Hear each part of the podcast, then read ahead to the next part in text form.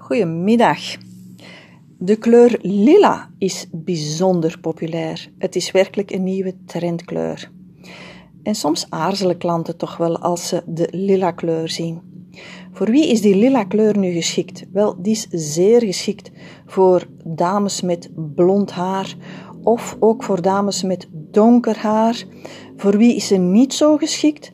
Voor dames met ros haar, met sproeten bijvoorbeeld. Over het algemeen is lila voor hen geen goed idee.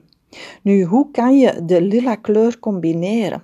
Wel, natuurlijk kan je ze heel klassiek combineren, met marine bijvoorbeeld, of donkergrijs. En dan krijg je een klassieke look.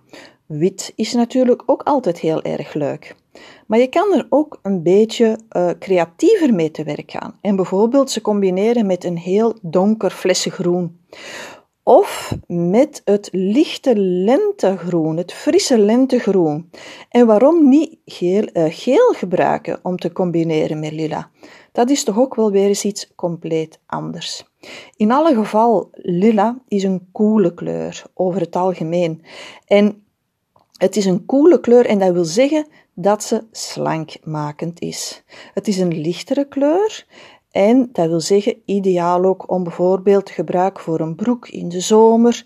En omdat ze koel is, gaat ze jou niet zwaarder maken dan je bent. Zo, probeer lila. Het is weer eens wat anders. Fijne dag nog. Dag.